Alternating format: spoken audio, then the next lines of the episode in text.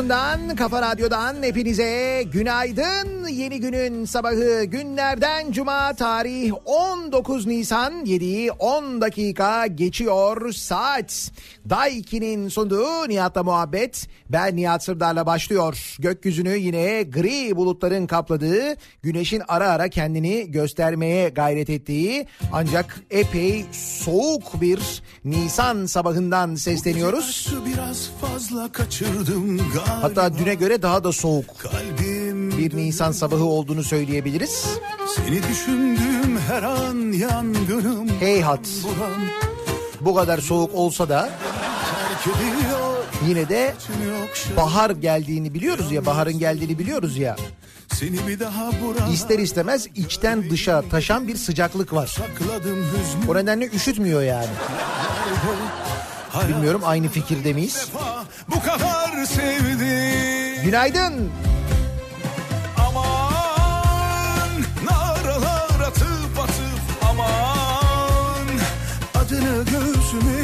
alıp günahını boynuma seni koynuma alıp bu gece İstanbul'u aşka boğasım var.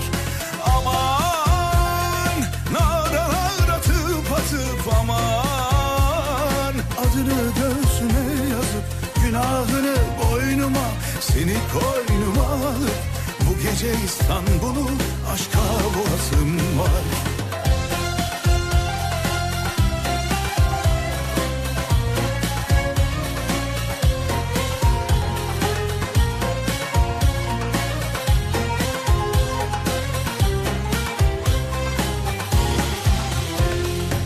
Gece aşkı biraz fazla kaçırdım galiba. Kalbim dönüyor. Seni düşündüğüm her an aşka çakıp bir selam. Aklım beni terk ediyor. Saçını okşadım yalnızlığımın. Seni bir daha buralarda görmeyeyim dedim. Yasakladım hüznü halka açık yerlerde Hayatımda ilk defa bu kadar sevdim. Aman naralar atıp atıp aman. Adını göğsüme yazıp günahını boynuma Seni koynuma alıp bu gece İstanbul'u aşka boğazım var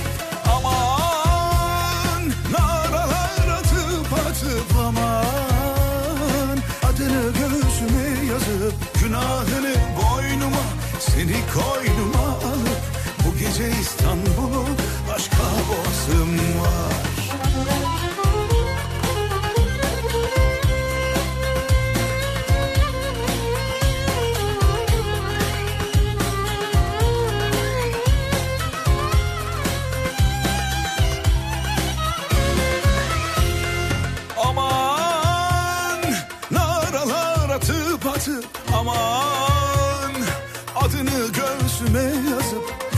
günahını boynuma Seni koynuma alıp bu gece İstanbul'u aşka boğasın var Aman naralar atıp atıp aman Adını göğsüme yazıp Geçen hafta konuşmuştuk hatırlayacaksınız. Japonlar hatta geçen hafta değil ondan önceki hafta konuşmuştuk. Japonya'da bir 10 günlük tatil oluyor. İmparatorun e, görevi bırakması yeni görevlendirme sebebiyle böyle bir 10 gün tatil ilan ediliyor Japonya'da. öpesin Ve Japonya'da başlıyor bir tartışma. Herkeste başlıyor bir endişe. Biz bu 10 gün ne yapacağız? 10 gün tatil mi olur? 10 günlük tatil pek uzun değil mi? Nasıl olur bu 10 gün tatilde ne yapacağız? Nereye gideceğiz? Bir yere gidebilir miyiz? Her yer çok kalabalık olur falan gibi bir endişeyle Japonya'da böyle hafif çaplı bir kaos başlıyor. Çalışmayı tatil yapmaktan daha çok zev- seven Japonlar ki bunu Japonya'ya gitmediğiniz zaman Hani böyle seyrettiğiniz belgesellerden falan çok anlamanız mümkün değil. Hakikaten Japonları gidip yerinde görmeniz lazım. Japonya'da görmeniz lazım. Çok acayip bir ülke gerçekten de. Yani gerçekten imkanı olan herkesin muhakkak bir kere hayatında gitmesi gereken bir yer Japonya. Onu hep söylüyorum ben ama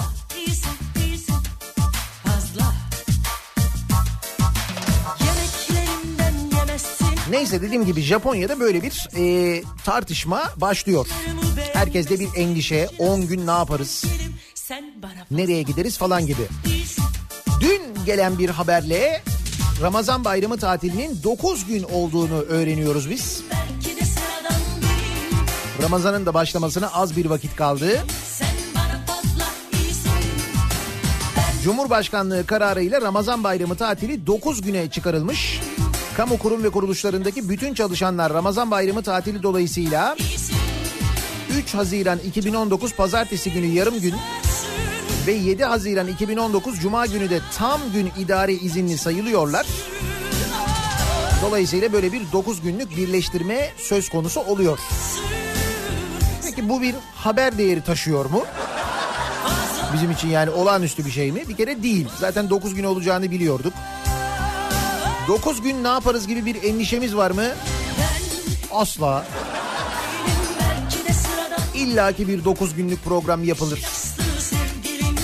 Hiçbir şey olmasa yaşadığımız şehirde kalır. Sessizliğin, sakinliğin tadını çıkarırız diye düşünmüyor muyuz? Misal İstanbul'da yaşayanlar böyle düşünmüyorlar mı? Oh ne güzel herkes gider İstanbul bize kalır düşüncesi yok mu? Ki o düşünce artık bir işe yaramıyor. Yani herkes gidiyor diyeceğin kadar büyük bir kalabalık İstanbul'dan gitse bile İstanbul yine kalabalık oluyor. Maalesef eskiden olduğu gibi değil. Ama mesela o duygu Ankara'da var. Hani bizim eskiden İstanbul'da yaşadığımız böyle uzun tatillerde 9 günlük tatillerde İstanbul'daki o böyle bomboş olma hissiyatı mesela Ankara'da oluyor.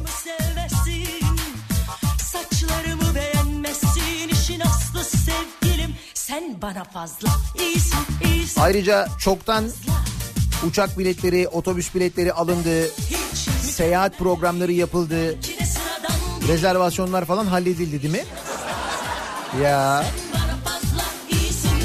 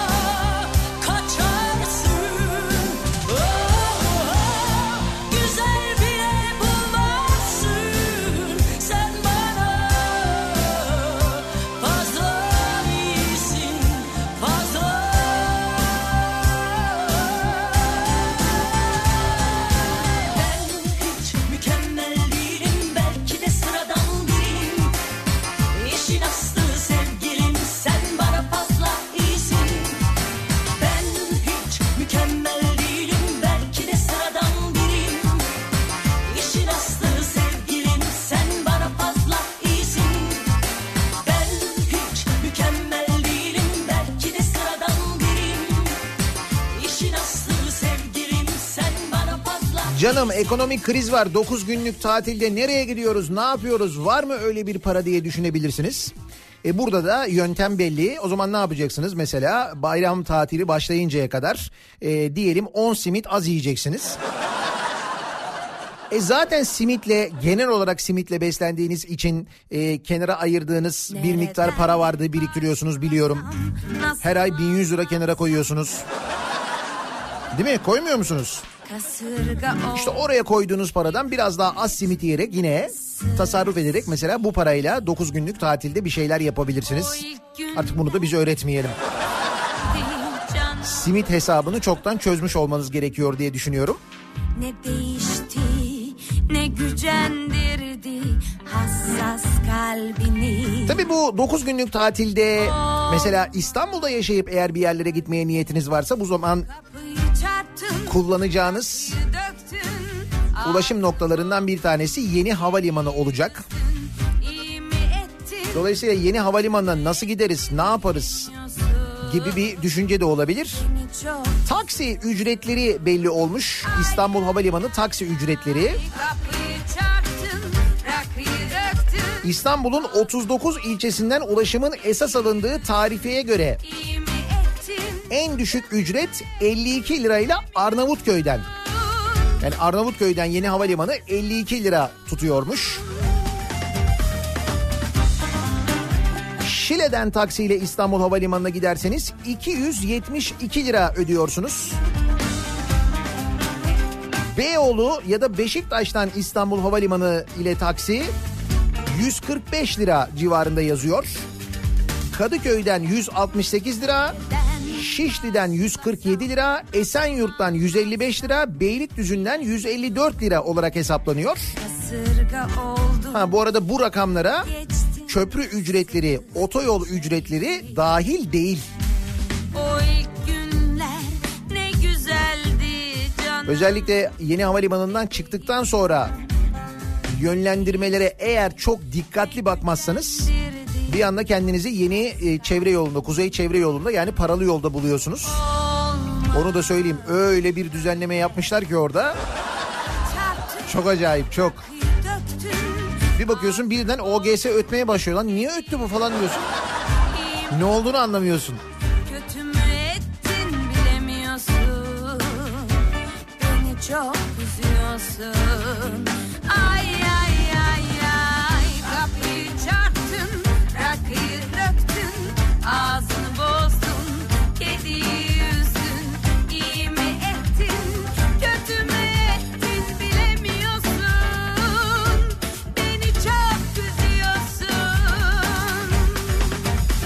Ben de bugün ilk İstanbul Havalimanı deneyimimi yaşayacağım. İzlenimleri artık memlekete döndükten sonra sizlere detaylı bir şekilde anlatırım.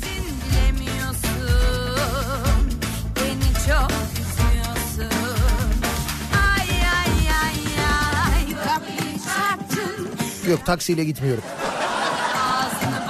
Arabayla bırakacaklar.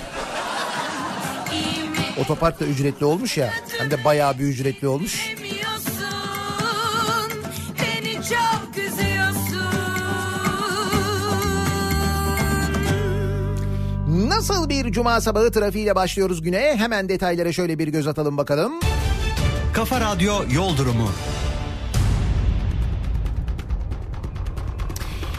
Köprülerdeki yoğunlukla başlayalım. Anadolu'dan Avrupa'ya geçişte ikinci köprü trafiği Ataşehir'e ulaşmış vaziyette. Ataşehir'le özellikle tır parkının eski tır parkının olduğu nokta arasındaki yoğunluk fazla. Bu noktadan sonra hareketlenen trafiğin Kavacık girişine yeniden yoğunlaştığını görüyoruz. Birinci köprü trafiği Çamlıca rampası ortasından itibaren başlıyor. Köprü girişine kadar kesintisiz devam eden bir yoğunluk o bölgede sizi bekliyor. Avrasya Tüneli girişinde bir sıkıntı yok an itibariyle. E, Çamlıca gişeler öncesindeki yoğunluğunda yavaş yavaş artmaya başladığını görüyoruz. Sonrasında dün sabahki kadar kötü değil trafik. Tem'de trafik İzmit yönünde açık. Avrupa yakasında Tem'de Bahçeşehir tarafı trafiği başlamış. Bahçeşehir ile Altınşehir arasındaki yoğunluk artıyor. Bu noktaya geçtikten sonra açılan trafiğin otogar sapağına kadar rahat olduğunu sonrasında Seyrantepe yönüne yoğunluğun yavaş yavaş artmaya başladığını görüyoruz. Vatan Caddesi yönüne ise İstoç'u geçtikten sonra Esenler civarında başlayan bir trafik var. Bayrampaşa'ya kadar bu trafiğin de etkili olduğunu görüyoruz. E5'te normalden daha fazla bir yoğunluk hatta Beylikdüzü rampasına kadar uzayan bir yoğunluk var Topkapı yönünde. Bunun da sebebi Küçükçekmece Florya yönünde meydana gelen bir zincirleme trafik kazası. Küçükçekmece Florya istikametine meydana gelen kaza Topkapı yönünde meydana gelen kaza sebebiyle geriye doğru trafik dediğim gibi şu anda Beylikdüzü inişine kadar uzamış vaziyette. Hatta karşı yönde de kazayı izleyenler sebebiyle bir miktar yoğunluk var. Bu noktayı geçtikten sonra açılan trafiğin Merter civarına gelindiğinde yeniden bir miktar yoğunlaştığını görüyoruz. Bu arada burada ters yönde e, İncirli Şirinevler yönünde de meydana gelen bir kaza vardı. Kaza kaldırıldı. O bölgedeki yoğunluk azalmaya başladı. Sahil yolu trafiğinin ise gayet açık olduğunu görüyoruz. Sahil yolunu kullanmanızı öneriyoruz sevgili dinleyiciler. Bir ara verelim. Reklamların ardından yeniden buradayız.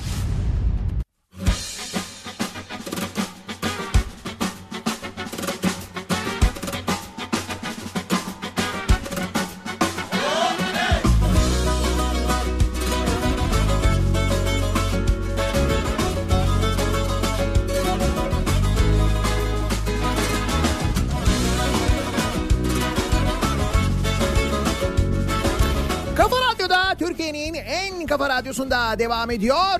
Day 2'nin sunduğu Nihat'la muhabbet. Ben Nihat Sırdar'la. Kurumuş top Cuma gününün sabahındayız. Tarih 19 Nisan 7.30'a yaklaşıyor saat. Şimdi 23 Nisan yaklaşıyor. Canım Ve 23 Nisan'da biz Kafa Radyo'da e, sözü çocuklara bırakmak, çocukların sesini duyurmak istiyoruz. O nedenle şöyle bir şey yapıyoruz. Kafa Radyo'nun bir WhatsApp hattı var artık. Şimdi önce 23 Nisan için kullanacağız WhatsApp hattımızı. Açılışı onunla yapıyoruz. Ondan sonra yayınların tümünde de kullanmaya başlayacağız. Ayrı ama Bizi dinleyen çocuklardan isteğimiz şu. Bizim WhatsApp hattımıza bir ses kaydı gönderin çocuklar. Ama mutlaka önce adınızı soyadınızı söyleyin. Sonra 23 Nisan mesajınızı söyleyin olur mu? Bunu kaydedin ve WhatsApp hattımıza gönderin. Biz de 22 ve 23 Nisan'da Kafa Radyo'da yayınlayalım sizin sesinizi. WhatsApp hattımızın numarası da şu 0532 172 52 32 0532 172 kafa diye de aklınızda tutabilirsiniz. Söndürün şulesi Dediğim gibi mutlaka adınız soyadınız olsun. Ondan sonrasında da Denizin or 23 Nisan mesajınız olsun. 22 ve 23 Nisan'da pazartesi ve salı günü saat başlarında Kulesiz 23 Nisan mesajlarınızı Kafa Radyo'da sizin sesinizden bütün Türkiye dinlesin. canım yanmasın boşa Kötüler alemi almış gidiyor. Etkiler kendini canım yormasın boşa Evet, memleketin geleceğiyle ilgili konuştuktan sonra şimdi bugüne dönelim. Gidiyor. Dur bakalım bugün ne olmuş. Eller kendini canım yormasın boşa Şina nari nari nay Nari nay nini nay şina nari nay. Nari nari nay şina nari nari nay. Narani nanani nay Tayvan Türkiye merkezli bir dolandırıcılık çetesini konuşuyor. Tayvan mı? Tayvanlıları mı dolandırıyormuşuz? Bir de diyorlar ki ihracat yok. Nasıl ihracat yok ya bak. Dolandırıcılığı ihraç etmeye başlamışız ya. Görüyor musun? Bu biraz da tabii mecburiyetten oluyor. İhracatın artması bazı sektörlerde bu yaşanıyor. Şimdi iç pazar daralınca doğal olarak ne yapıyorsun? İhracata yöneliyorsun bir şekilde. Bizde de demek ki dolandırıcılık sektöründe iç pazar epey bir daralınca Ya patron artık kimseyi dolandıramıyoruz ya kimsede para yok. He, o zaman ne yapalım ihracata yönelelim biz evet. Dışarıya açılmamız lazım. Halbuki düşün bir dönem yurt dışından dolandırıcı ithal ediyorduk ya. Öyle bir ülkeydik biliyor musun?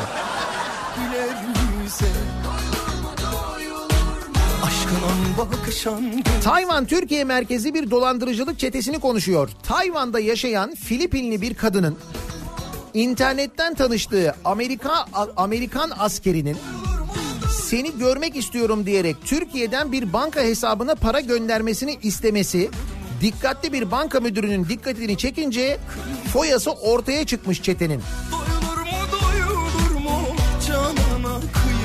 Arkadaş nereden aklınıza geliyor ya? Tayvan'da çalışan 20'li yaşlarındaki Filipinli bir kadın internet üzerinden tanıştığı Amerikalı bir askerle bir süre sonra aşk yaşamaya başladı. Fakat sadece ekran üzerinden birbirini gören çift sonunda buluşmaya karar verdi. Amerikalı asker genç kadını görmek istediğini ve Tayvan'a gelmek istediğini söyleyerek ama param yok bana 1250 dolar gönderirsen uçak bileti alabilirim dedi. Bulgaristan yöntemi. E tabi yıllarca bunu Türkiye'ye yapmadılar mı? Bulgaristan'dan yanlışlıkla arayan bir kadınla bir böyle görüşmeyle başlayan bir telefon görüşmesiyle başlayan sonra WhatsApp'a taşınan oradan internete taşınan sohbetin devamında e ben geleyim o zaman Bulgaristan'dan e, Türkiye'ye sen beni gezdirirsin falan ama sen benim uçak biletimi gönder.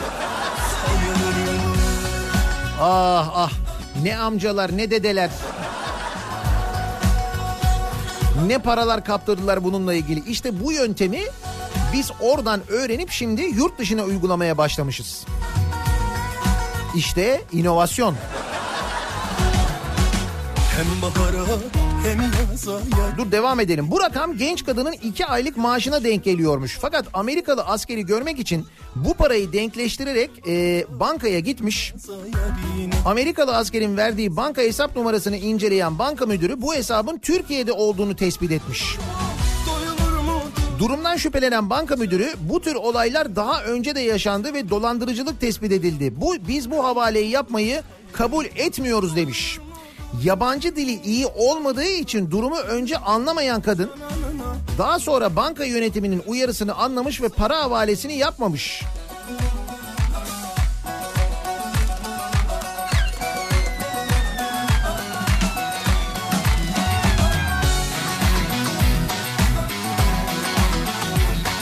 Yurt dışına açıldığımız bir konu daha. Ama bu tabii yeni değil. Biz ge- geçen senelerde hatırlarsanız Türkiye'ye tatile gelen Almanları da Türkiye üzerinden dolandırmaya başlamıştık. Sonra Almanlar da uyandılar. Almanlara uyarılar gitti. Orada da böyle uyarılar ki o, o tür uyarılar, bilgilendirmeler Almanya'da epey dikkatle takip ediliyor. Sonrasında azaldı o iş. Demek ki yeni pazarlar aramışlar bizimkiler. Tayvan ya.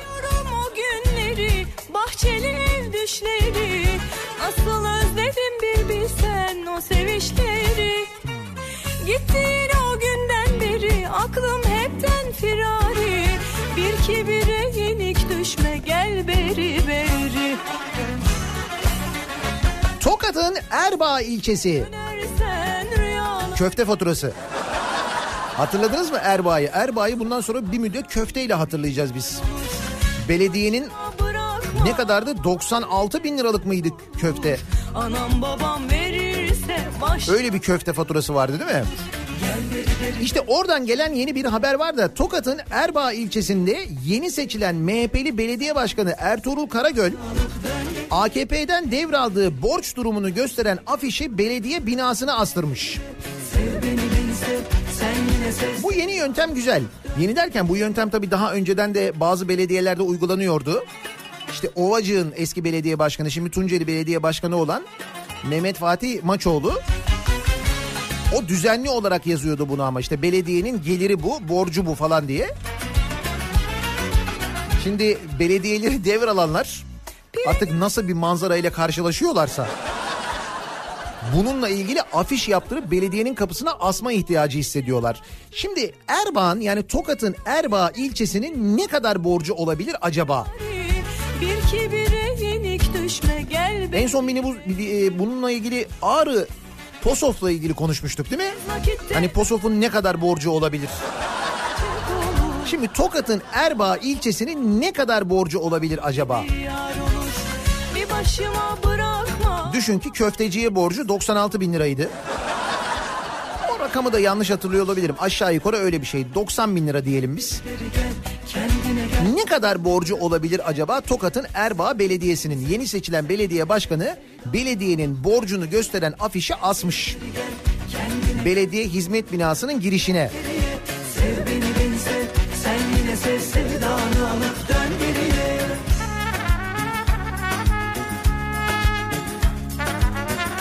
Mesela 10 milyon lira borcu var mıdır acaba Erbaa Belediyesi'nin? 10 milyon. 20 milyon.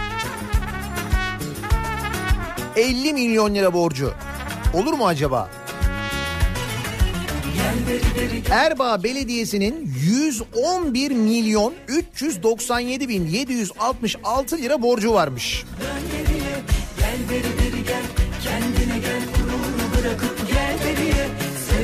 111 milyon lira borç.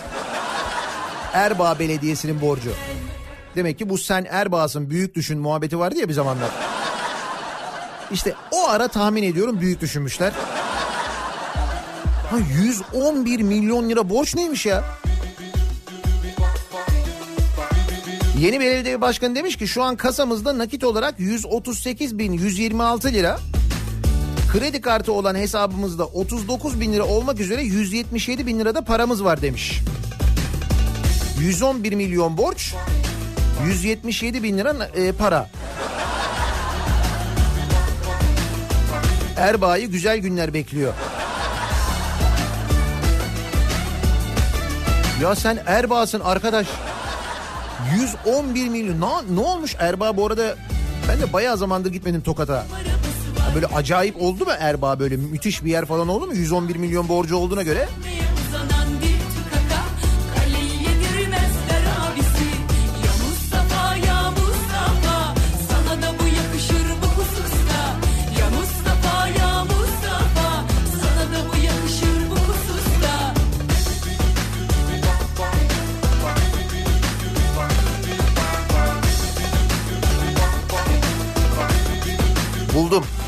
Erbaa Belediyesi'nde de eğer böyle bir jacuzzi varsa. Var mı acaba jacuzzi orada? Jacuzzi mühim biliyorsun belediyede. Bakışı Arada bir girer alkol ucuna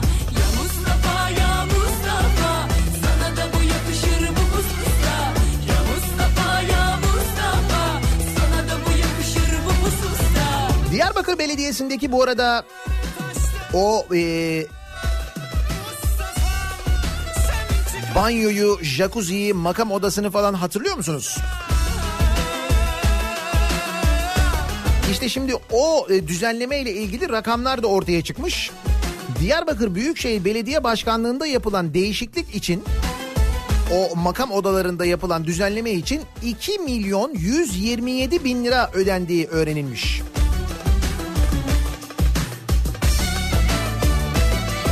Sözcüden Ali Ekber Ertürk'ün haberine göre Diyarbakır Büyükşehir Belediye Başkanlığı'na 1 Kasım 2016'da kayyum olarak atanan Ve son seçimde de AKP'den aday olan Cumali Atilla'nın belediyedeki makam odası bu süreçte değiştirilmiş. Belediye binasında yapılan işler tefrişat ve alınan mobilyalara 2 milyon 127 bin lira ödenmiş.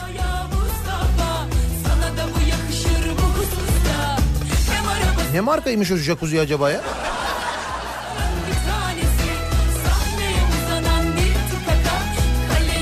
Atilla döneminde tefrişat ve mobilya ile malzeme alımı için 4 ayrı ihale düzenlenmiş.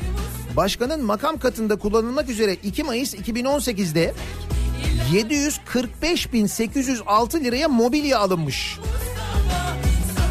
Başkanın makam katındaki mobilya 745 bin lira.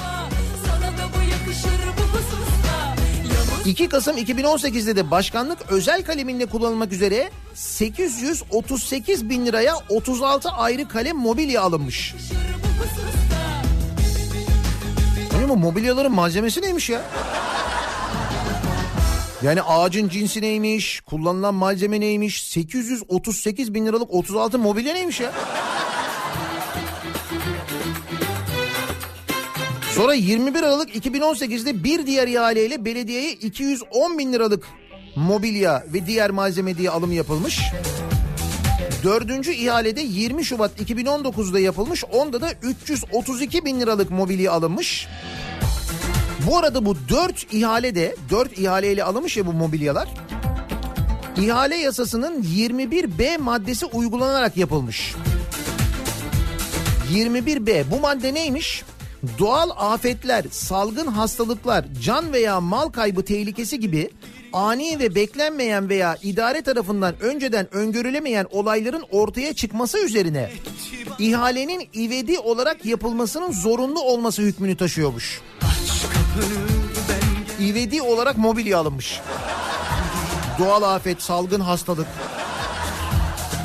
Ma- maazallah şimdi mesela orada jacuzzi olmasa değil mi? Bir doğal afet olabilir, bir salgın hastalık olabilir. Hemen oraya girmek, jacuzziye oturmak lazım. Arkadaş bu nasıl bir para ya? Ben severim seni 2 milyon 127 bin lira harcanan paraya bak.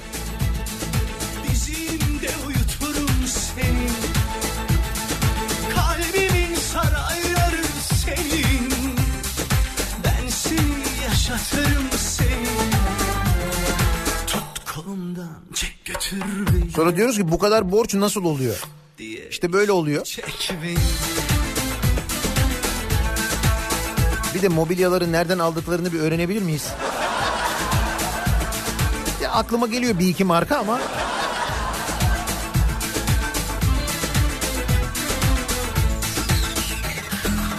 Yalnız taştan duvar olmaz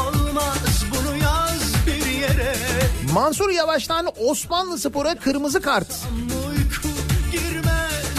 Bir de Ankara'da yaşananlar var. Ankara Büyükşehir Belediye Başkanı Mansur Yavaş seçim döneminde verdiği sözü tutmuş. Hafriyat gelirlerinin Gökçek ailesine ait Osmanlı Spor'a aktarılma işini sonlandırmış. Ankara'nın hafriyat gelirleri Osmanlı Spor'a gidiyormuş. Nasıl? Güzel değil mi? Mansur Yavaş eski Ankara Büyükşehir Belediye Başkanı Melik Gökçek'in onursal başkanı olduğu Osmanlı Spor'a darbe vurdu. Özel şirket statüsündeki Osmanlı Spor'a bundan sonra Ankara Büyükşehir Belediyesi'nden kaynak aktarılmayacak.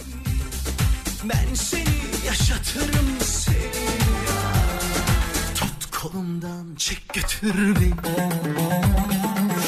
Diye içine çek beni Ankara'da Osmanlı Spor arkadaş yani. Ne diyeyim? Diye içine çek ne kadar para aktarılmış acaba? Bugüne kadar Osmanlı Spor'a bu şekilde?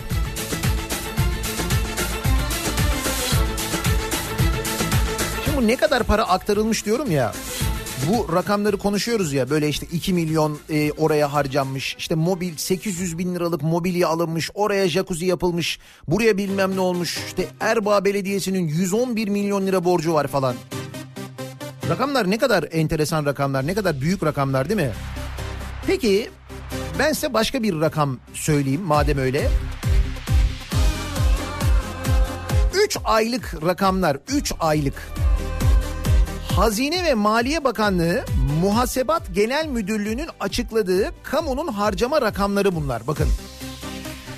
Bizzat Hazine ve Maliye Bakanlığı tarafından açıklanan rakamlardan bahsediyoruz. Kamunun harcama rakamları. Devlet bazı e, vakıflara ve cemiyetlere paralar aktarmış. yoksa Ve bu rakamlara göre Hazine ve Maliye Bakanlığı Muhasebat Genel Müdürlüğü'nün açıkladığı kamunun harcama rakamlarına göre Ensar Vakfı, İlim Yayma Cemiyeti, Türgev gibi dernek ve vakıflara 3 ayda 3 ayda 2 milyar 672 milyon lira aktarılmış. 2 milyar 672 milyon lira. Eski parayla 2 katrilyon 672 trilyon ediyor yani.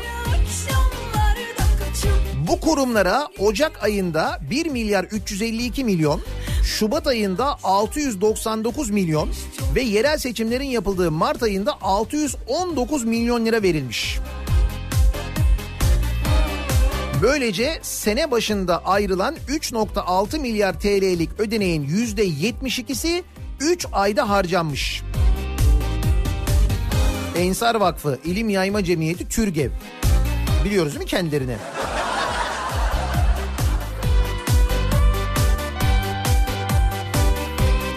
Bu arada yeni makam araçlarının alınmayacağı ve kiralama yöntemine gidilmeyeceğini açıklamıştı hükümet değil mi? İşte 3 ayda kiralama giderleri için devletin kasasından 341 milyon lira harcanmış.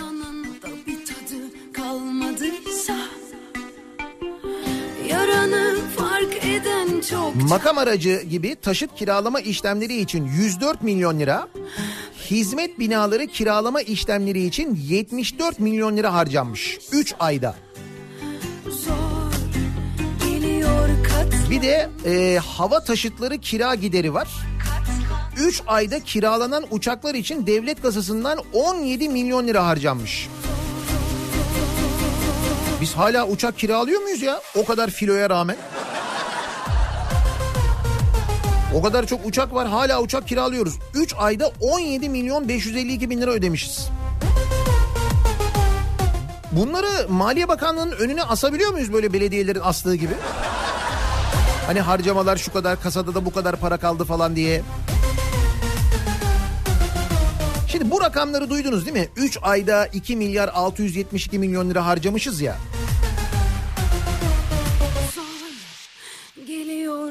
Bir de şu rakamları dinleyin. Türkiye 2018'de sefalet endeksinde 26.8 puandayken bu yıl işsizlik ve enflasyondaki yükselişle 30.2 puana fırlamış. Bloomberg'in enflasyon ve işsizlik oranlarını toplayarak oluşturduğu ve sefalet endeksi olarak adlandırdığı listede Türkiye 62 ülke arasında 4. sırada yer almış. 5 yıldır yayınlanan ülke sıralamasında ilk 5 ülke bu yılda değişmemiş. Venezuela açık ara birinci olurken onun sırasıyla Arjantin, Güney Afrika, Türkiye ve Yunanistan izlemiş.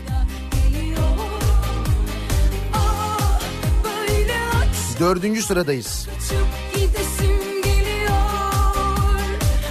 Ama o sırada Diyarbakır Belediyesi'ne mobilya alıyoruz mesela 2 milyon e, 127 bin lira harcıyoruz. Vakıflara paraları böyle milyonlar şeklinde saçıyoruz. 100 milyonlar şeklinde falan saçıyoruz, harcıyoruz. Para harcarken bir sıkıntı yok. Ancak bakıyoruz genel olarak böyle bir sefalet durumumuz var. Yani bir yandan para var aslında. Yani bir yandan para bizde. Fakat bizde olan paranın yani bizde olan ve bizden toplanan paranın genel olarak nereye gittiğini görüyoruz. Canikosuna.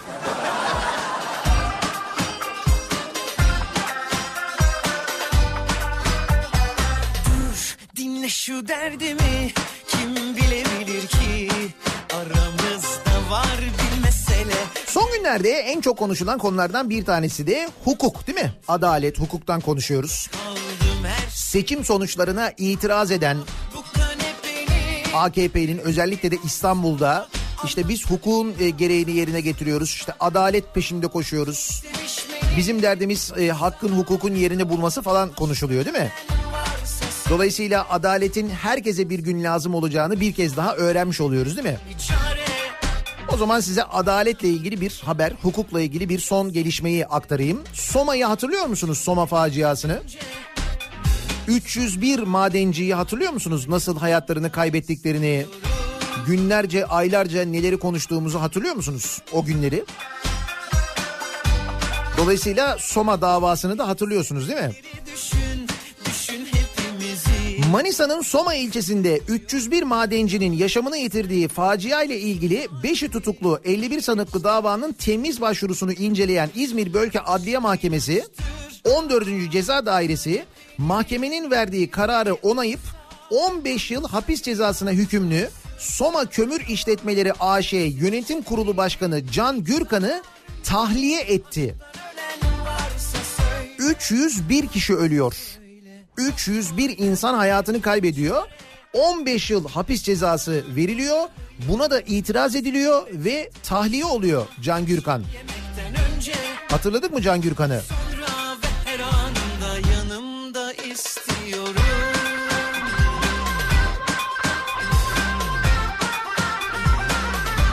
Böyle sevgili dinleyiciler. Son günlerde çok konuşuyoruz, çok duyuyoruz. Hukuk, adalet, hukuk kuralları çerçevesinde falan duyuyoruz değil mi bunları? İşte Soma'da adalet bu şekilde an itibarıyla sağlanıyor. İnanılmaz geliyor değil mi? İnsan inanamıyor değil mi? Kulaklarına inanamıyor. Ama işte bak oluyor.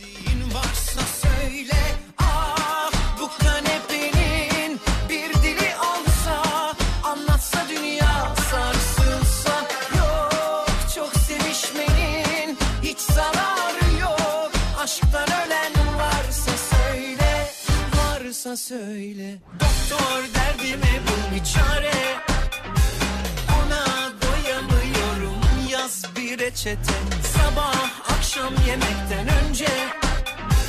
Sonra ve her anında. Son günlerde genelde bu seçim sonuçları ile ilgili işte AKP Genel Başkan Yardımcısı Ali İhsan Yavuz'un açıklamalarını duyuyorduk, dinliyorduk. yanıyorum yaz bir reçete. Evet, cümleleri anlamakta biraz zorluk çekiyorduk ama birbiri ardına okunduğunda gerçekten birbirini tamamen tersi ve birbirini tamamen çürüten cümleler dinlerken kendisinden ee, bu sırada MHP Genel Başkan Yardımcısı Yaşar Yıldırım'dan bir açıklama geliyor. Şimdi bu açıklamayı çok dikkatli dinlemenizi öneriyorum. A Haber'in bir canlı yayınına katılıyor.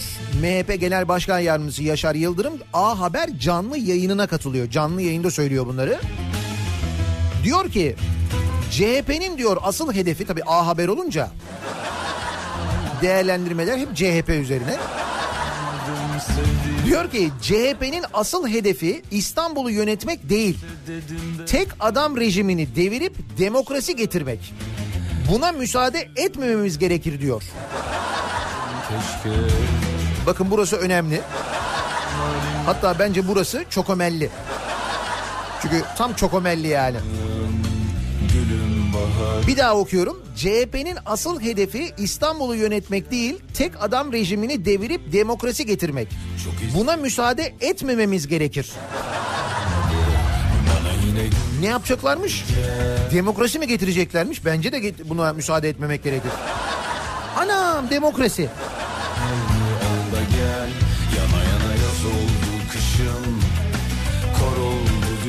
Meğer ne fena emelleri varmış CHP'nin yahu.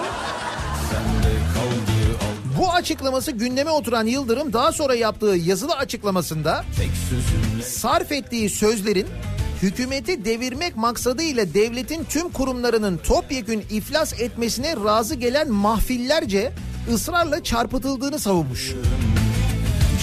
Ama ben dinledim cümle böyle. Biz şimdi mahfil miyiz ya?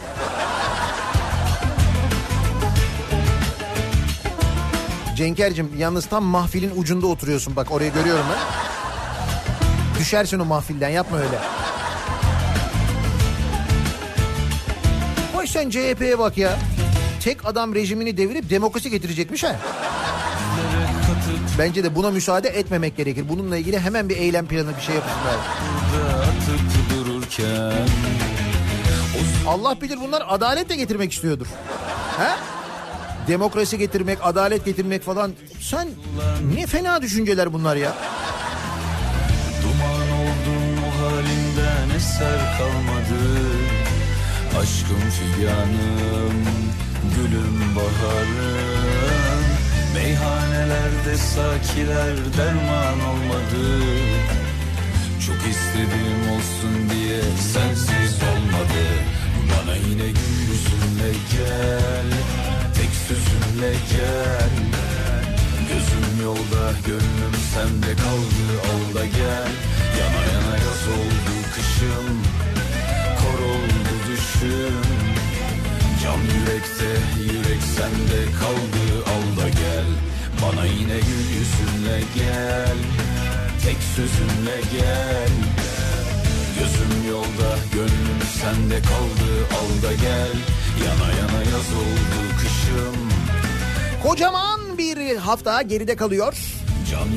Gündemi epey yoğun bir hafta geride kalıyor aynı zamanda. Antrikot, jacuzzi, mazbata, kuru soğan, simit, çay vesaire kimi neyi neden protesto ediyorsunuz diye her cuma sabahı olduğu gibi soruyoruz.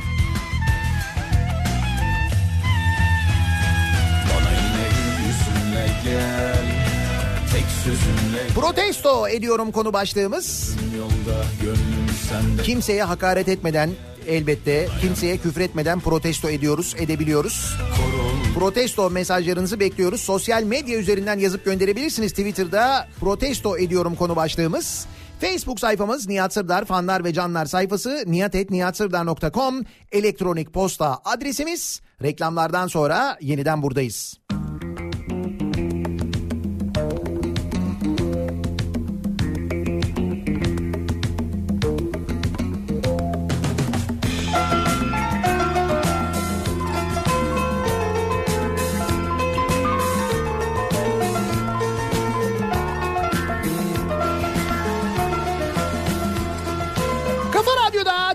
Türkiye'nin en kafa radyosunda devam ediyor. Daiki'nin sunduğu Nihat'la muhabbet. Ben Nihat Sırdar'la Cuma gününün sabahındayız. Tarih 19 Nisan. Protesto ediyoruz her cuma sabahı olduğu gibi. Ama az önceki rakamları, kamu harcamalarını duyunca aklımıza tek bir isim geliyor.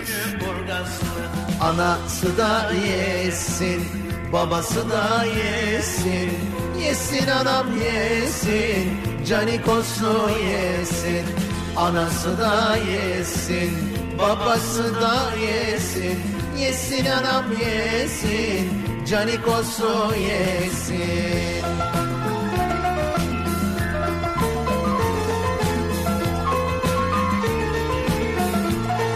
Belediyelerdeki yönetim değişikliği sonrasında eski belediye yönetimlerinin nerelere ne paralar harcadığını detaylarıyla öğrenmeye başladık ya. Belediyelerin ne kadar borcu olduğunu öğrendik. Ben bu arada demin Posof demişim ama Patnos olacaktı doğru. Ağrı Patnos'tu o. Tokat Erbaa. Diyarbakır'daki o belediye başka, başkanının makam odası düzenlemesi için harcanan 2 milyon lira. Sonra bir de tabii vakıflara gönderilen paralar. Yesin, yesin anam yesin, canikosu yesin, anası da yesin. Bütün bu rakamları okuyunca direkt bu şarkı insanın kulaklarında çınlıyor. Dur bakalım daha neler öğreneceğiz. Anası da yesin, babası da yesin, Bir türlü ısınmayan havayı protesto ediyorum diye başlayalım protesto mesajlarına.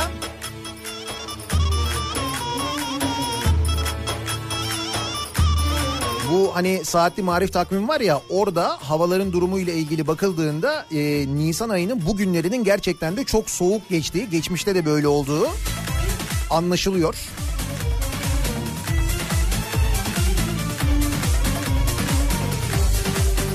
Önümüzdeki haftadan itibaren havalar ısınmaya başlıyor meteorolojinin söylediğine göre.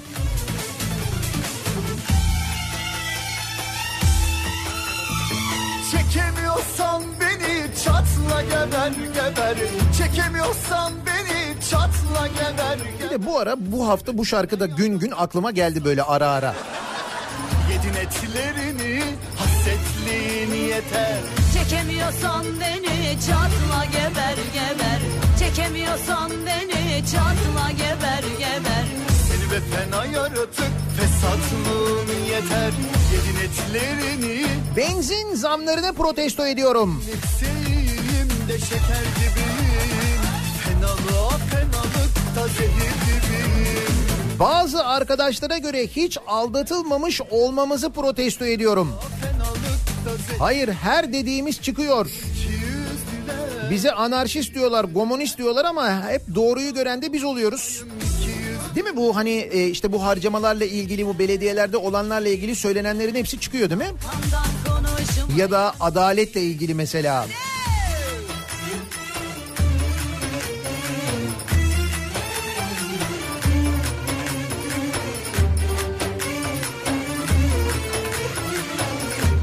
Yeni atanan rektörlerin ki 9 üniversiteye yeni rektörler atanmış. Yeni atanan rektörlerin tanıdık çıktığını söyleyip haber yapanları protesto ediyorum. Bu devirde kime güvenelim? Tabii ki tanıdık olacak. O mis gibi rektörlerimiz var yeni rektörler. AKP milletvekili aday adayımı istersin. Ensar Vakfı üyelerimi istersin. Beni geber geber. Seni be fena yaratık Fesatlığın yeter. Yedin etlerini Hasretliğin yeter. Çekemiyorsan beni çatla geber geber. Çekemiyorsan beni çatla geber geber. Seni be fena yaratık Fesatlığın yeter. KPSS'ye gireli yaklaşık 6 ay oldu. 4 Kasım'daydı ve hala alım sayısını bile açıklamayan Sağlık Bakanlığı'nı protesto ediyorum diyor. Doğukan göndermiş. Siz hala bu KPSS'ye inanıyorsunuz yani. Gerçi inanmayıp ne yapacaksınız? Mecbur eğer kamuda gireceksen o sınava mecbur giriyorsun. Hayır o sınavla gerçekten de böyle hak ederek girebileceğine inanıyorsun hala yani. İşte ben de sizin bu böyle doğru tarafınızı saf tarafınızı seviyorum zaten. Gerçekten. Bize her gün bir çay bir gevreği hak görenleri protesto ediyorum diyor. yüzüne vurdu Rüzgar göndermiş. Haklısın be yavrum Görgüsüzlük sizde Nankörlük sizde Siz kimsiniz ya? Tavassızlık sizde Şu lafımı da iyice bir dinle. Bir hoca alim var. Gönül uyandırıyorum. Mide bulandırıyorum. E kimin başına? Tabii ki benim başıma. Adalet sistemini protesto ediyorum. Ki bu Soma davasıyla alakalı bu Soma AŞ'nin yönetim kurulu başkanının tahliye edilmesini bakın tahliye edilmesi diyorum.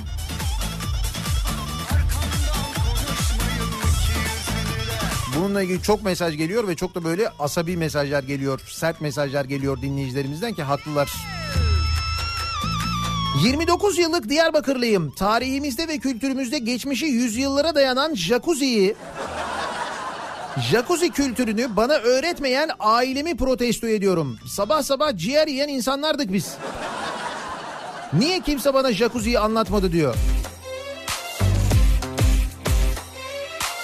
O kadar yıldır Diyarbakır'a gider gelirim ben de bilmiyordum yalnız onu söyleyeyim.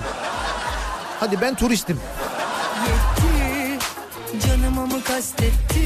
Ama bir kere mesela Diyarbakır'da jacuzziye girmişliğim yok benim ya. Yok yani. geçti Ya biterse yıkılırım giderse Diye diye tadı kaçtı aşk elden CHP'nin demokrasiyi geri getirme çabasını protesto ediyorum. Aman ha engel olmak lazım.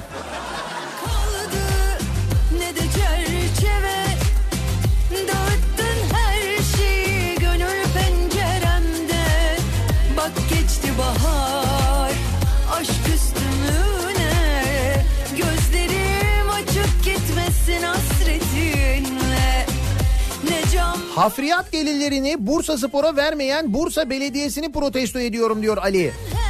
Bursa Osmanlı'nın başkenti değil miydi? Değil mi şimdi Ankara Belediyesi'nin hafriyat gelirleri madem Osmanlı Spor'a veriliyormuş ki artık verilmeyecekmiş. Niye Bursa'nın hafriyat gelirleri Bursa Spor'a verilmiyor diye soruyorlar. Haklılar. Asıl orası Osmanlı'nın başkenti. Hani mesela Ankara'da Hitit Spor olur anlarım da.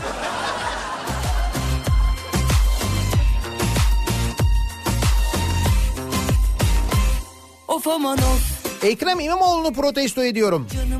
O neymiş öyle bütün çalışanlarla aynı yemeği yemek. İhtişamdan tasarruf o ihtişamdan değil o itibardan olacak o. İtibardan tasarruf olmaz. Antrikot yiyeceksin diyor yani.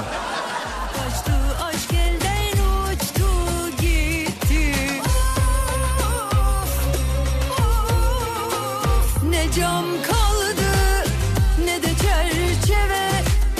Dağıttın her şeyi gönül penceremde. Bak geçti bahar aşk üstümüne. Gözlerim açık gitmesin hasretinle. Ne cam kaldı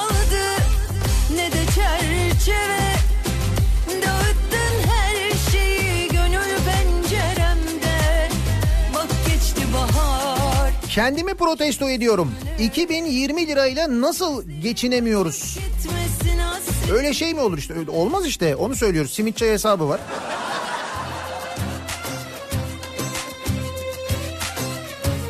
Doğmamış yetimlerin hakkını trollere, ensar gibi vakıflara yedirenleri protesto ediyorum. Bütün benliğimle diyor Fahrettin.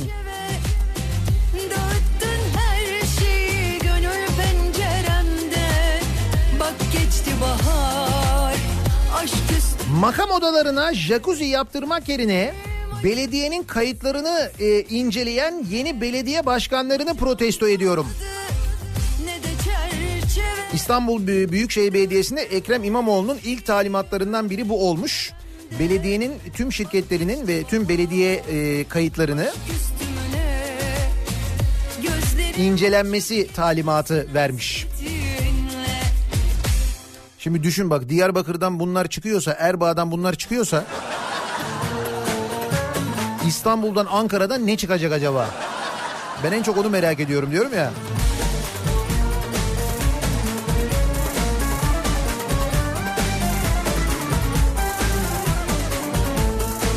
Doydun mu acılara? Gel o zaman yanıma. Ne bekliyorsun daha? Allah Allah. Saralım yaraları geçelim oraları O gece yarıları eyvah eyvah CHP'yi protesto ediyorum. Ne öyle durduk yere demokrasi getirecekmiş başımıza. İcat çıkarmasınlar diyor Murat.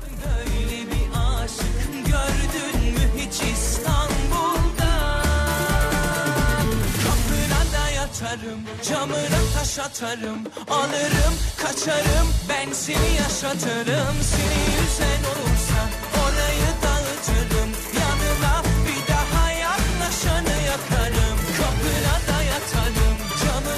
camına taş atarım Alırım kaçarım ben seni yaşatırım Seni yüzen olursa orayı dağıtırım Yanına bir daha bir daha bir daha Yaklaşanı yakarım Bu simidin durumunu protesto ediyorum. Ne simitmiş arkadaş? Bir tane bir görsel hazırlamışlar da simitin bilinmeyen bölümleri diye. Mesela simidin üst kısmı antrikot. Hemen böyle üst sağ tarafı kontrfile, onun yanı bonfile, onun yanı gerdan. Ne bekliyorsun daha Allah Allah Saralım yaralar geçelim oralar Öğretmenler odasının bir köşesine jacuzzi yaptırmadığı için yıllardır tanıdığım okul müdürümü protesto ediyorum. Aha sizin öğretmenler odasında jacuzzi yok mu? Ne ayıp.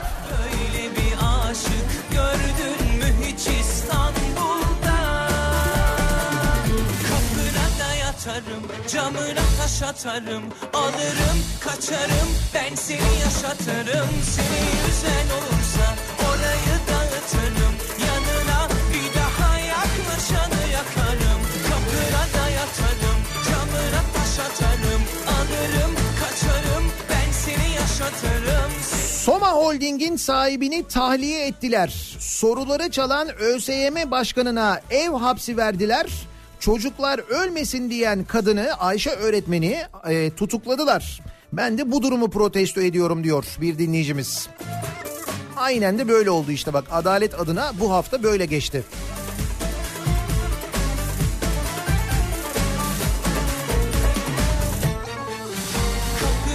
Yatarım, camına taş atarım Alırım, kaçarım, ben seni yaşatırım Seni yüzen olursa orayı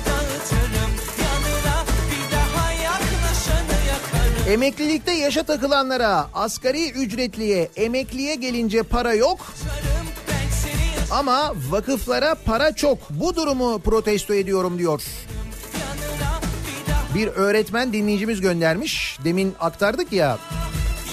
Ensar Vakfı, İlim Yayma Cemiyeti, Türgev gibi kuruluşlara 3 ayda 2 milyar 672 milyon lira verilmiş hazineden. 3 ayda 2 milyar 672 milyon TL.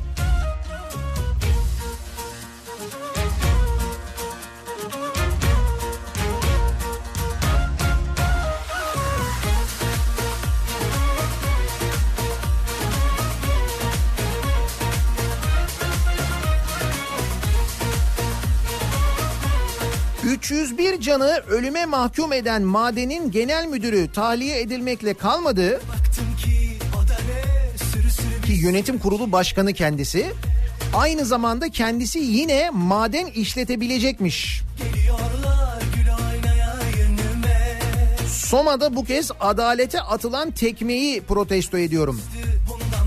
Soma'daki o tekmeyi hatırlıyorsunuz değil mi? O tekme aslında bütün bu olacakların habercisi değil miydi peki sizce?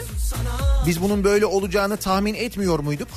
Soma'da bu insanların tahliye edileceğini, aradan kayırılacaklarını konuşmuyor muyduk, tahmin etmiyor muyduk? En azından içinizden böyle geçmiyor muydu, düşünmüyor muydunuz? Ama yine de şey diyordunuz değil mi? Yok artık canım 301 insan ölmüş öyle şey olur mu falan diyordunuz ya. İşte oldu.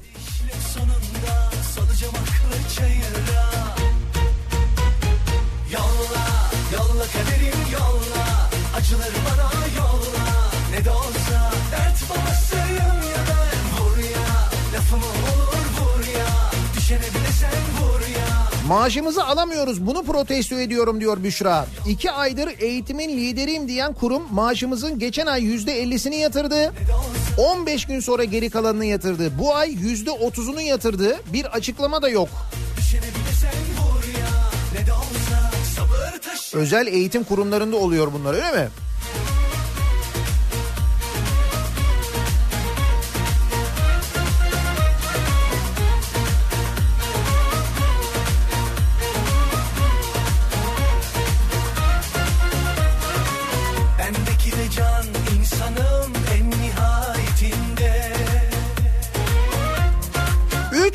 Çay simit hesabını 3 öğün antrikota göre tekrar sayamayanları protesto ediyorum.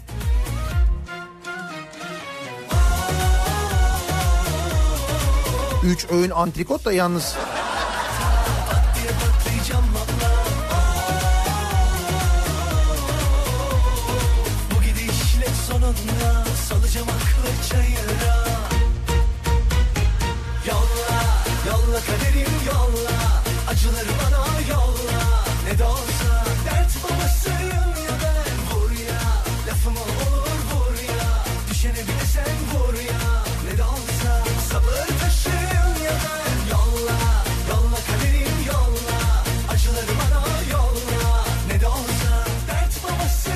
Ankara'daki retinalı odayı protesto ediyorum. Hayır ne var acaba? Ya o kapı açılmış bu arada. Ama ne var o odada bilmiyorum. Bak onunla ilgili bilgi gelmedi. Kalbim,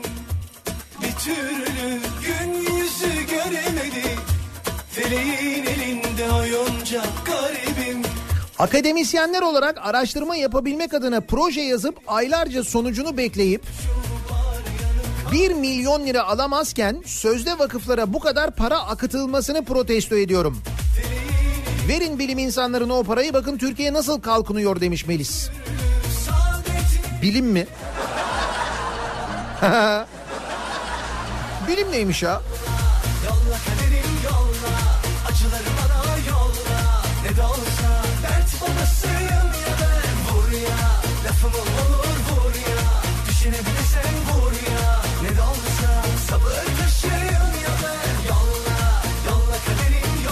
Ramazan bayramı tatilinin bugünden 9 güne çıkarılması size de garip gelmiyor mu diye soruyor Ayhan.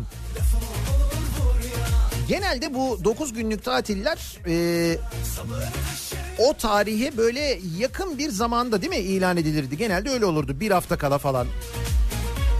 Ama hani bilinirdi. Şimdi bu kadar önce olması neredeyse 2 ay önce olması Şimdi diyor ki Ayhan İstanbul seçimi YSK tarafından iptal edilirse yeni seçim 2 Haziran'da yapılacak. 2 Haziran da bu 9 günün içinde olacak. Yani siz tatile gidin biz seçim yapalım mı diyorlar acaba? Eğer böyleyse bunu protesto ediyorum diyor. Böyle midir? Yok canım.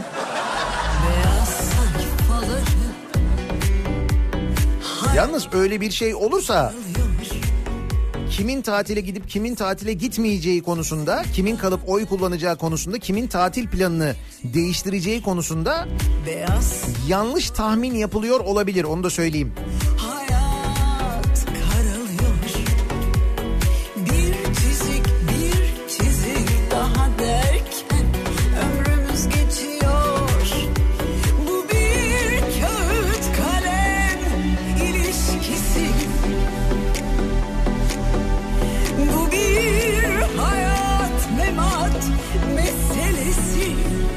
Ankara metrosundaki tren operatörlerini protesto ediyorum diyor İbrahim. Niye? Ne güzel böyle şal var terlik göbeğe kadar sakalla imajımızı Ankara'mızın çağdaş tarzını yansıtıyorlardı. Seçim sonrası hepsi takım elbise giyip sakal bıyık kesti. Evet öyle kılık kıyafette bir değişiklik olmuş Ankara'da. Hatta galiba İstanbul'da da. Sanki.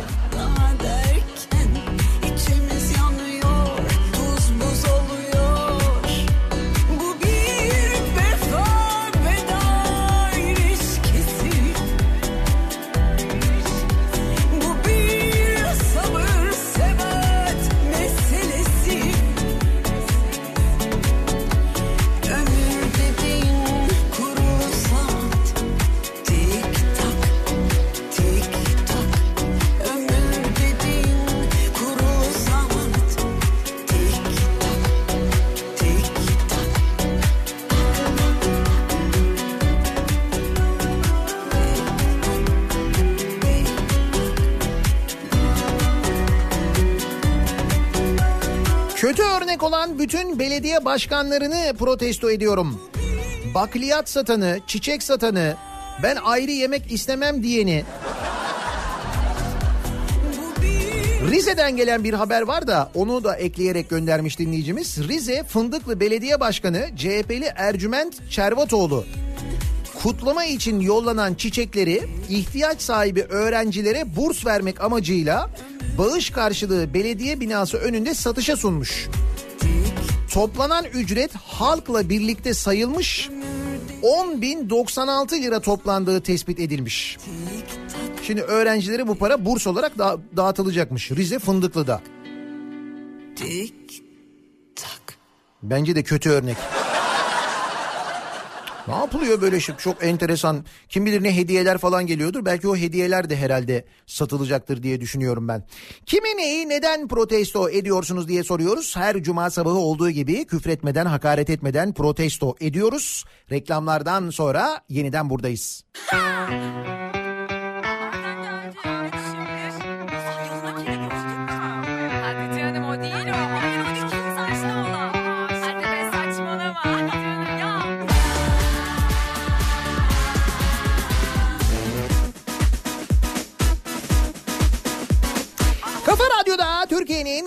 Kafa radyosunda devam ediyor. Daiki'nin sunduğu Nihat'la muhabbet. Ben Nihat Sırdar'la Cuma gününün sabahındayız. Kimi, neyi, neden protesto ediyorsunuz diye her cuma sabahı olduğu gibi soruyoruz. Hiçbir şey olmamasını ayrı, bir şeyler olmasını ayrı, fark edememeyi ayrı protesto ediyorum. Bu da kolay kolay unutamayacağımız bir cümle olarak tarihe geçti. Hiçbir şey olmasa bile kesinlikle bir şeyler oldu. Ama fark edemedik.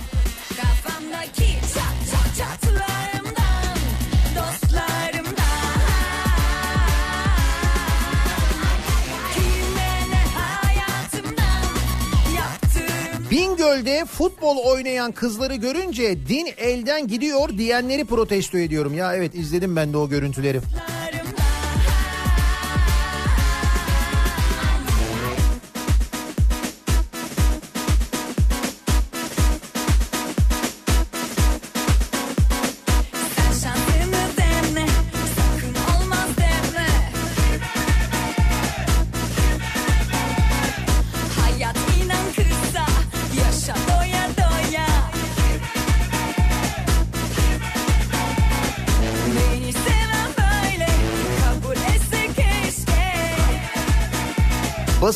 İçine düştüğü bu hazin durumu protesto ediyorum. Ha, bir kısım basının diyorsunuz değil mi? Ama hangi hazin durumu söylüyorsunuz acaba? Israrla görmedikleri haberleri mi söylüyorsunuz? Koskoca haber kanallarının e, foto montaj fotoğraflar kullanmasını mı söylüyorsunuz? Bir dedikleri bir dediklerini tutmamalarını mı söylüyorsunuz? Koskoca gazetelerin Türk basınının amiral gazetesi denilen gazetelerin 50 bin tirajın altına düşmesinin rezil bir hal almasını mı söylüyorsunuz? Hangisini söylüyorsunuz acaba? Hangi hazin durum?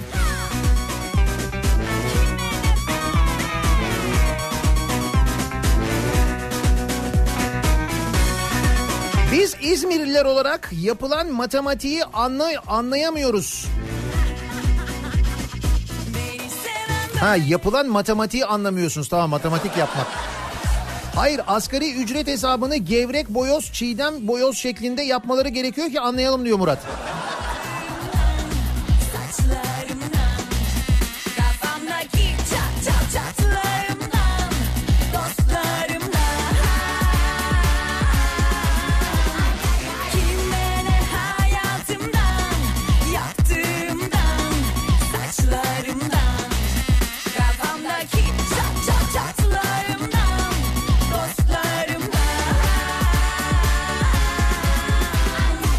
Jet Sosyete'yi ve özellikle de Gülse Birsel'i protesto ediyorum.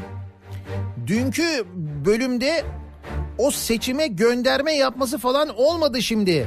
Tekrar sayalım, tekrar sayalım, olmadı baştan sayalım. Öyle mi? Orada gönderme mi yapıldı? Dizilerde göndermeler de başladı yani. Kaldı Bak bak dizilerde göndermelerin başlaması. Bazı sanatçıların sosyal medya üzerinden böyle seçimlerle ilgili mesajlar vermeye başlamaları falan. Bazı yazarların bugüne kadar yazdıklarının tam tersini yazmaya başlamaları falan. Ne oluyoruz ya? Ne oluyor acaba?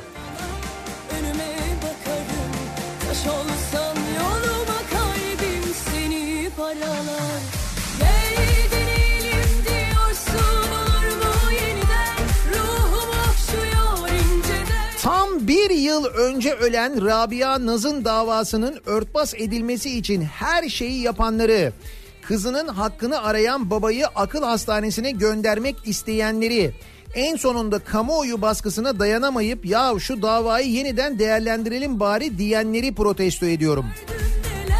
Aylar sonra değil mi? Ki burada Metin Cihan'ın hakkını kesinlikle teslim etmek lazım. Sosyal medyadan öyle bir kampanya başlattı. Öylesine bu işin peşinde koştu ki ciddi bir kamuoyu oluşturdu. Onun sayesinde herkes duydu bence. Rabia Naz'ı ve onun başına gelenleri ve gördüğünüz gibi işte olay yeri incelemesi yapan polisler de dahil olmak üzere soruşturma başlatılmış vaziyette konuyla bugüne kadar ilgilenenlere bakalım. Bu cinayetin arkasından ne çıkacak hep beraber göreceğiz.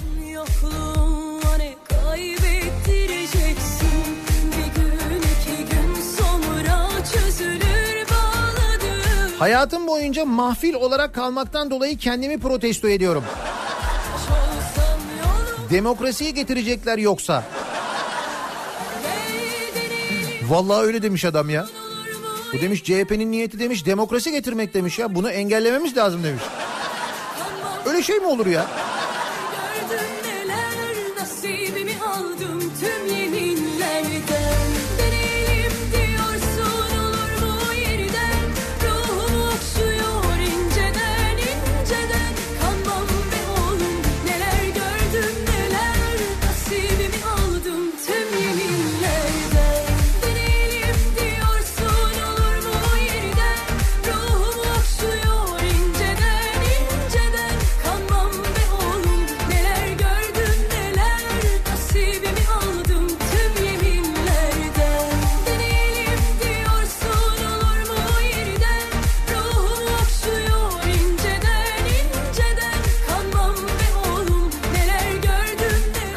Bahane edip fırsata çeviren ve zam yapmayan patronları protesto ediyorum demiş mesela bir başka dinleyicimiz. Belediyelerde ortaya çıkan Canikos'u haberlerine şaşıranları protesto ediyorum. Zaten biliyorduk böyle olduğunu. Öyle miydi? Biliyor muyduk acaba? Şamdanları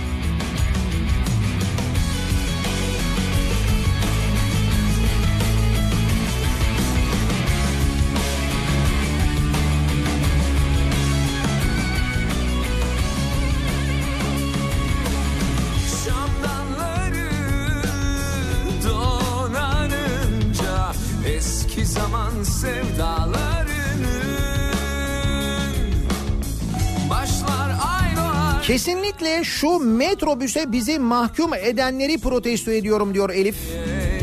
İşe giderken bir binmeye çalışın bakalım. Şu halka yazık diyor. Şimdi bakalım ne olacak? Bu metrobüsle ilgili de bir projesi vardı Ekrem İmamoğlu'nun değil mi? Ne olacak acaba? Metrobüsle ilgili nasıl bir değişiklik olacak göreceğiz. Yalnız şundan eminim Beylikdüzü'ne metro gider. Artık gider yani bence kesin. Beylikdüzü'nde bir bayram havası.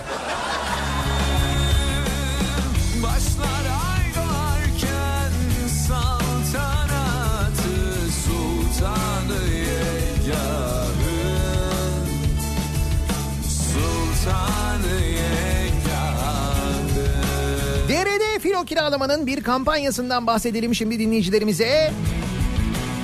DRD'nin yeni uzun dönem operasyonel kiralama modeli Eko Paket. Bu pakette ekonomik koşullarda araç kiralayabiliyorsunuz. Bütün operasyonel kiralama hizmetlerinden faydalanıyorsunuz ki hasar, bakım, lastik, sigorta, muayene bunların hiçbiriyle siz ilgilenmiyorsunuz. Ve Nisan ayına özel bir fırsat var. Volkswagen Polo'da bahar kampanyasıyla 2890 liradan başlayan fiyatlarla araç kiralayabiliyorsunuz uzun dönem. Üstelik kredi tahsis onayınızdan ve sözleşme imzanızdan sonra hemen teslim alabiliyorsunuz. Ayrıca Nihat'la muhabbet dinleyicilerine de özel %10 ekstra bir indirim olacak. drd.com.tr'ye giriyorsunuz. Teklif formunda kupon alanına Nihat'la muhabbet yazıyorsunuz. Ya da 0850 911 1724'ü arıyorsunuz. Yine Nihat'la muhabbet dinleyicisiyim ben deyince bu fiyatların üzerinden ekstra bir %10 indirim daha alıyorsunuz. O da benim size indirim. Nasıl? Bence güzel.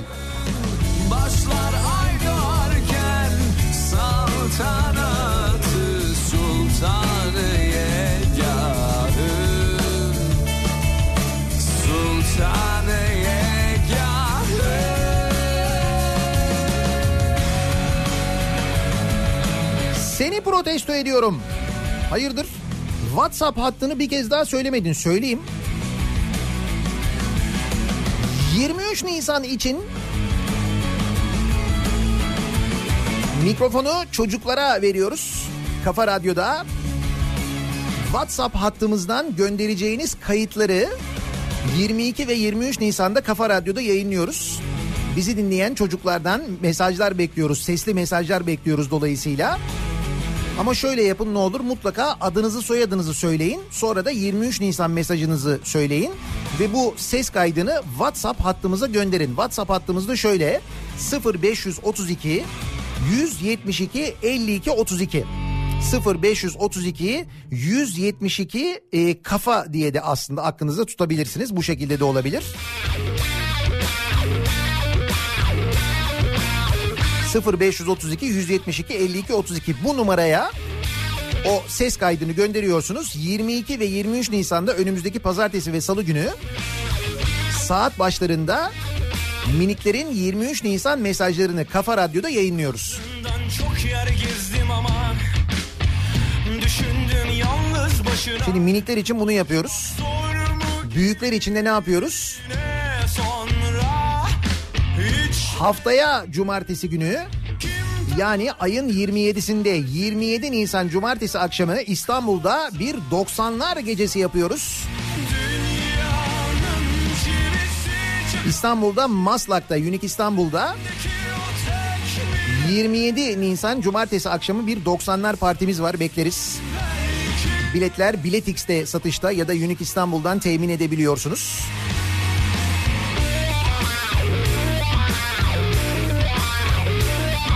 Epey eğleneceğiz garanti edebilirim. Birkaç yıllık yorgunluk var ama Aslında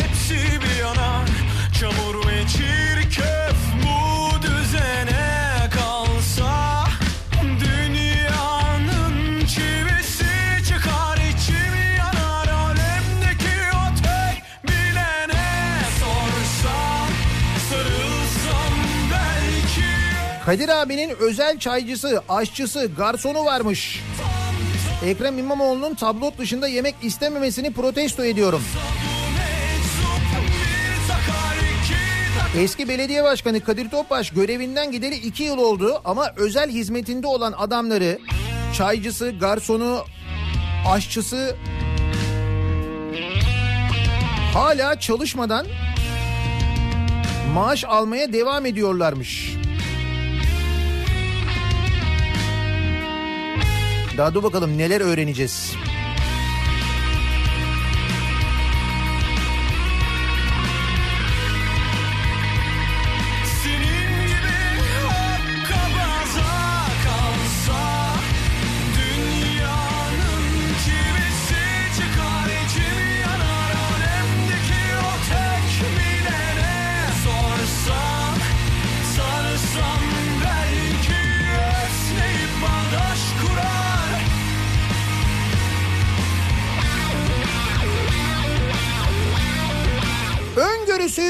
Olmadığı halde ha ha ha bugün de çok formdasınız diyerek kendince dalga geçenleri protesto ediyorum. Evet gerçekten çok formunuzdasınız. Dur bakayım reytinglerde de formun, formunda mıymış? Aa değilmiş. Tüh.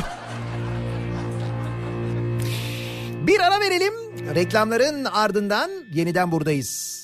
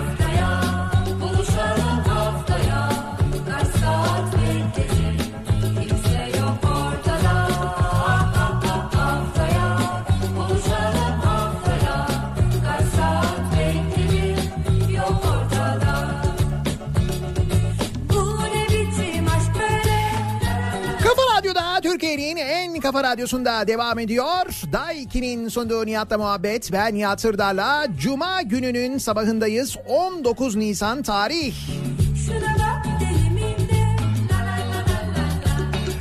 Her cuma sabahı olduğu gibi sorduk kimi, neyi, neden protesto ediyorsunuz diye. Protesto ediyorum başlığıyla Bence sosyal medyada mesajlar paylaşılmaya devam ediyor. buluşalım Simidi küçümseyenleri protesto edenden tutun da soğanı protesto edene, antrikotu protesto edene kadar soğukları protesto edenler var. Önümüzdeki hafta e, ısınmaya başlıyor. Meteorolojinin söylediğine göre havalar yeniden. Şimdi önümüzde bir 23 Nisan bizi bekliyor. 23 Nisan Salı günü para para resmi tatil. Aradaki 22 Nisan'da bağlanıyor.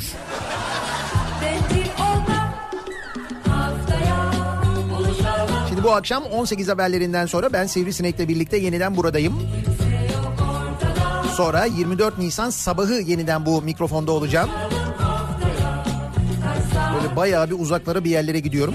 Dönünce detaylı bir şekilde anlatırım merak etmeyin. Birazdan Kripto Odası programı başlayacak. Güçlü Mete Türkiye'nin ve dünyanın gündemini sizlere aktaracak.